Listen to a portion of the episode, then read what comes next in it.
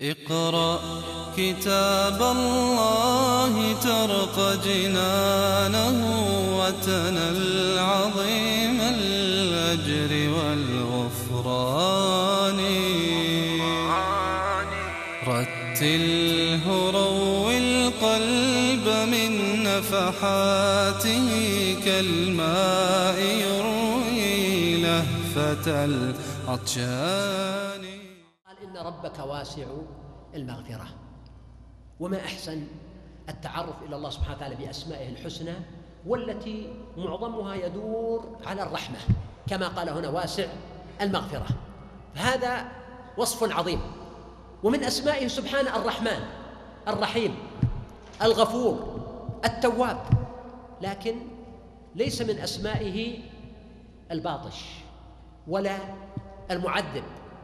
ولا حتى شديد العقاب فهذا على القول الراجح ليس من الأسماء الحسنى. فأسماء الله الحسنى هي الأسماء التي فيها الرحمة وفيها البر وفيها اللطف بالعباد.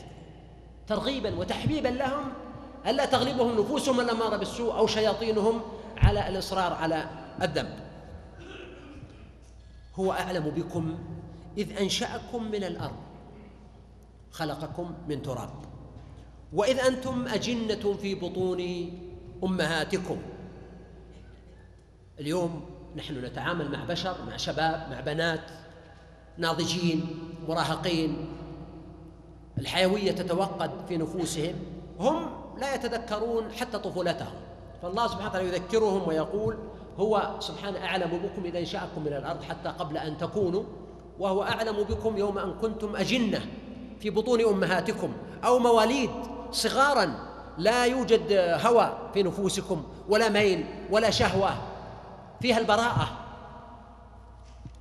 فلا تزكوا أنفسكم هو أعلم بمن اتقى. لا تزكوا أنفسكم يعني لا تقولوا عن أنفسكم ما يزكيها من الادعاء وإنما على العبد أن يتواضع لله سبحانه وتعالى. على صعيد الفرد.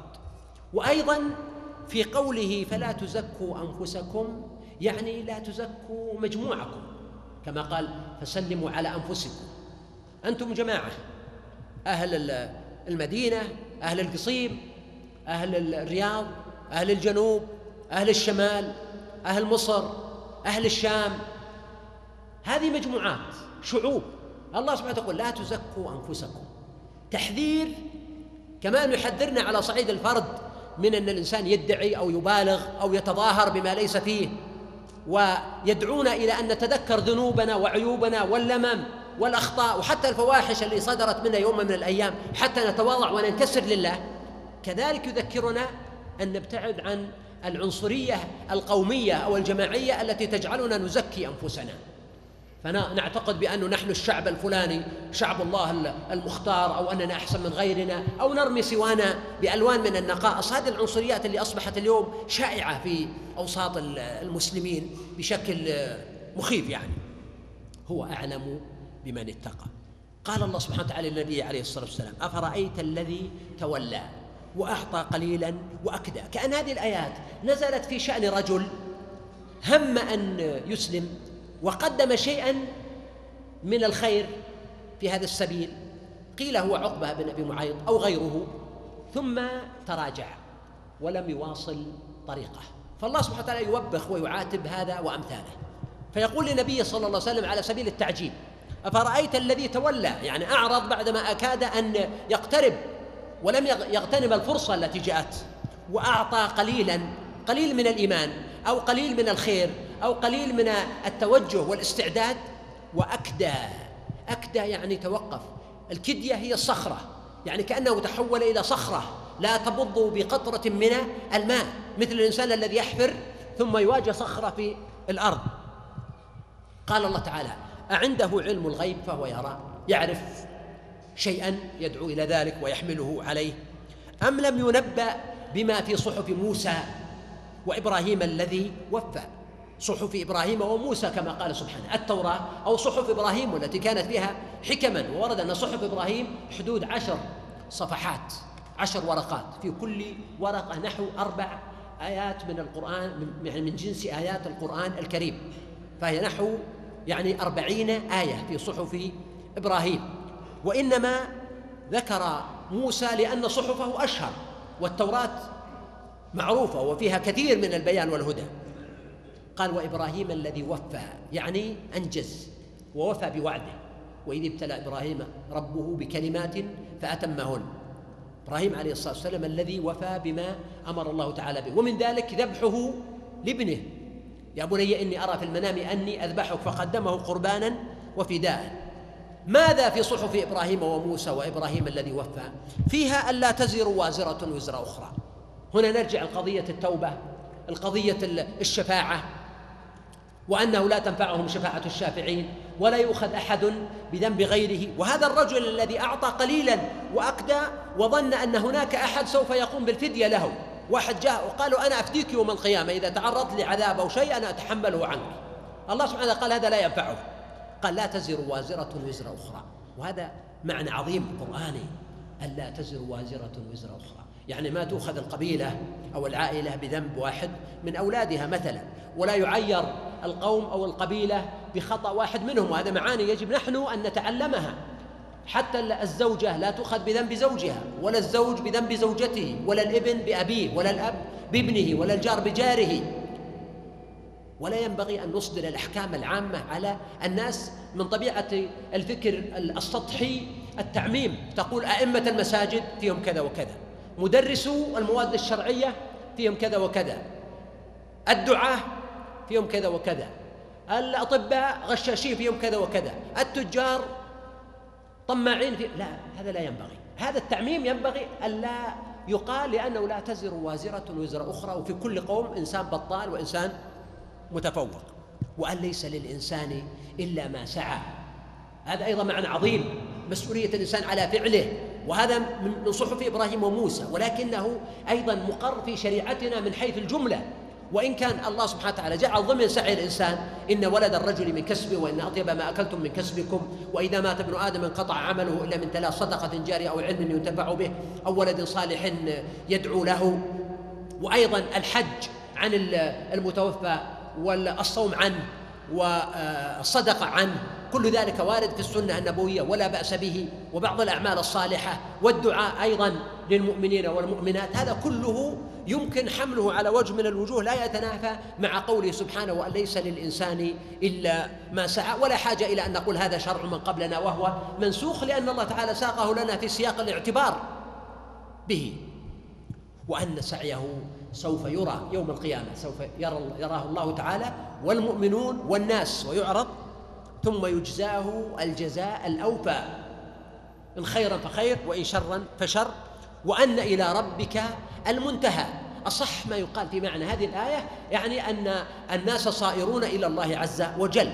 وقيل أن المعنى أن إلى ربك المنتهى أن كل تفكير رشيد عاقل يوصل الإنسان إلى الإيمان بربه عز وجل فينتهي إلى الإيمان به. وأنه يعني الله سبحانه وتعالى هو أضحك وأبكى. يعني خلق القدرة على الضحك والبكاء وهذه خاصية عند الإنسان. الحيوان ما يضحك ولا يبكي وكذلك الطيور. فالإنسان هو وحده الذي يضحك ويبكي وحينما يقول الناس مثلا الحمامة بكت هذا على سبيل المجاز. أيضا غير كون الله خلق الضحك والبكاء عند الإنسان خلق أسباب الضحك عند الإنسان وأسباب البكاء. وفي ذلك صناعة السعادة ولهذا قدم الضحك على البكاء وهذه منة على الناس. إن الحياة فيها كثير من الجماليات وأسباب السعادة والسرور والرضا وقرة العين وحتى البكاء. فيه معنى السعادة ولذلك يقال في بعض الروايات أن قوما اجتمعوا يدعون الله تعالى أن يمنحهم السعادة. فجاءهم ملك وقال لهم ما هي السعادة التي تطلبون؟ قالوا نريد أن نكون دائما آمنين ومطمئنين وكل ما نريد يتحقق لنا وكل ما نحلم به يأتي. فتحقق لهم ذلك. وصار اليوم وأمس وغدا عندهم سواء صارت الأيام سواء ولا ينتظرون شيئا جديدا. فاجتمعوا وبدأوا يدعون الله سبحانه وتعالى. جاءهم الملك. قال ماذا تريدون؟ قال نريد نرجع زي ما كنا أول. يعني يوم نفرح ويوم نحزن ويوم نرضى ويوم نسخط ويوم نشبع ويوم نجوع. وهذا هذا جزء من جمالية الحياة. أن نتعامل مع تغيرات الحياة بقدر من الرضا والإيجابية والسعادة والتفاؤل والأمل والإشراق. هذا معنى يجب أن نتدرب عليه ومما يدربنا عليه ذكر الله سبحانه وتعالى ومحاصرة الذنوب والمعاصي ألا تسيطر على حياتنا أو تحولنا إلى كائنات مكتئبة أو حزينة. وأنه هو أمات وأحيا أيضا الموت والحياة له سبحانه وهو الذي يحيي ويميت وأيضا هذه منة وحكمة خلق الموت والحياة ليبلوكم أيكم أحسن عملا. وأيضا فيما يتعلق بموت الآخرين. يعني مات جدك ولكن الله رزقك ذرية طيبين وصالحين. وسبحان الله لما ذكر الله تعالى قصة إبراهيم عليه الصلاة والسلام كما سبق والملائكة يقول إنا أرسلنا إلى قوم لوط. ربما يكون هناك مدعاة للحزن أن قبيلة بأكملها سوف يتم القضاء عليها. لكن الملائكة هنا بشروا بماذا؟ بغلام. وأنه من وراء هذا الغلام أمم وقبائل صالحة ومطيعة لله سبحانه وتعالى سوف توجد وتولد. فينظر الإنسان للجانب الإيجابي حتى في الموت والحياة. وأنه خلق الزوجين الذكر والأنثى. فهذه من حكمته سبحانه في الأحياء في الحيوان وفي الطير. وعلى الأخص في الإنسان. والأقرب أن المقصود بهذه الآية الإنسان. لماذا؟ لقوله من نطفة إذا تمنى. لأنه فيما يتعلق بالطيور. ربما يكون هناك عملية البيض والتفقيس.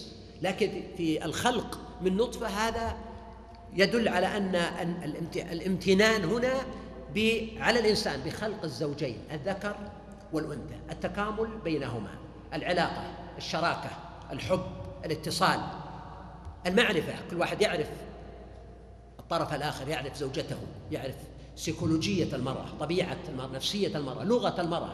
كيف تتكلم؟ ماذا تريد؟ لا يتعامل معها كرجل آخر.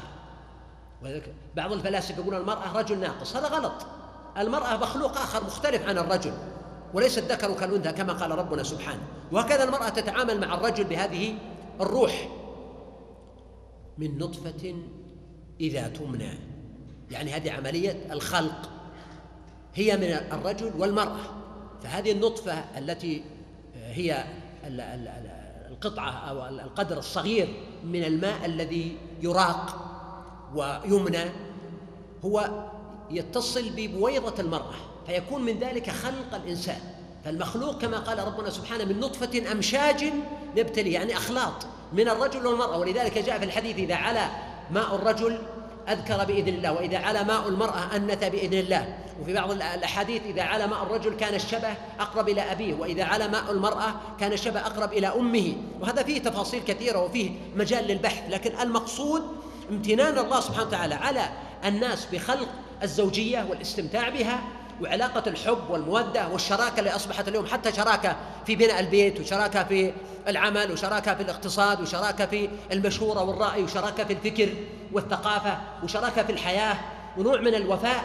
وكثير من البيوت تعاني ما تعاني مما يوجب علينا جميعا فعلا أن نعيد النظر في طبيعة العلاقة القائمة بين الزوجين الذكر والأنثى. قال سبحانه وأن عليه النشأة الأخرى وهذه جملة معترضة. بعدما ذكر خلق الزوجين وأنهم خلقوا نفس الزوجين خلقوا من هذا الماء وإليه يتم ويرجع الخلق. قال عليه النشأة الأخرى على الله الذي خلقهم أول مرة يعيدهم للنشأة الأخرى يوم القيامة بخلاف ما يستثقله ويستصعبه المشركون. وعاد بعد بعد هذا الاعتراض إلى نعمه سبحانه قال وأنه هو أغنى وأقنى. يعني أعطى الناس الغنى والمال وأقنى يعني أعطاهم القنية التي يقتنون هذه ليست ضد. مثل أضحك وأبكى وأمات وأحيا وإنما هي متممة للغنى. يعني أعطاهم الغنى وأعطاهم القنية وأعطاهم الأشياء التي يقتنونها أو أعطاهم الرضا بهذا الغنى.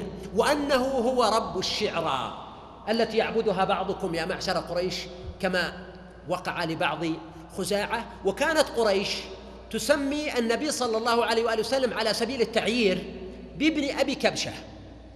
وهذا نوع منهم تضليل وخداع.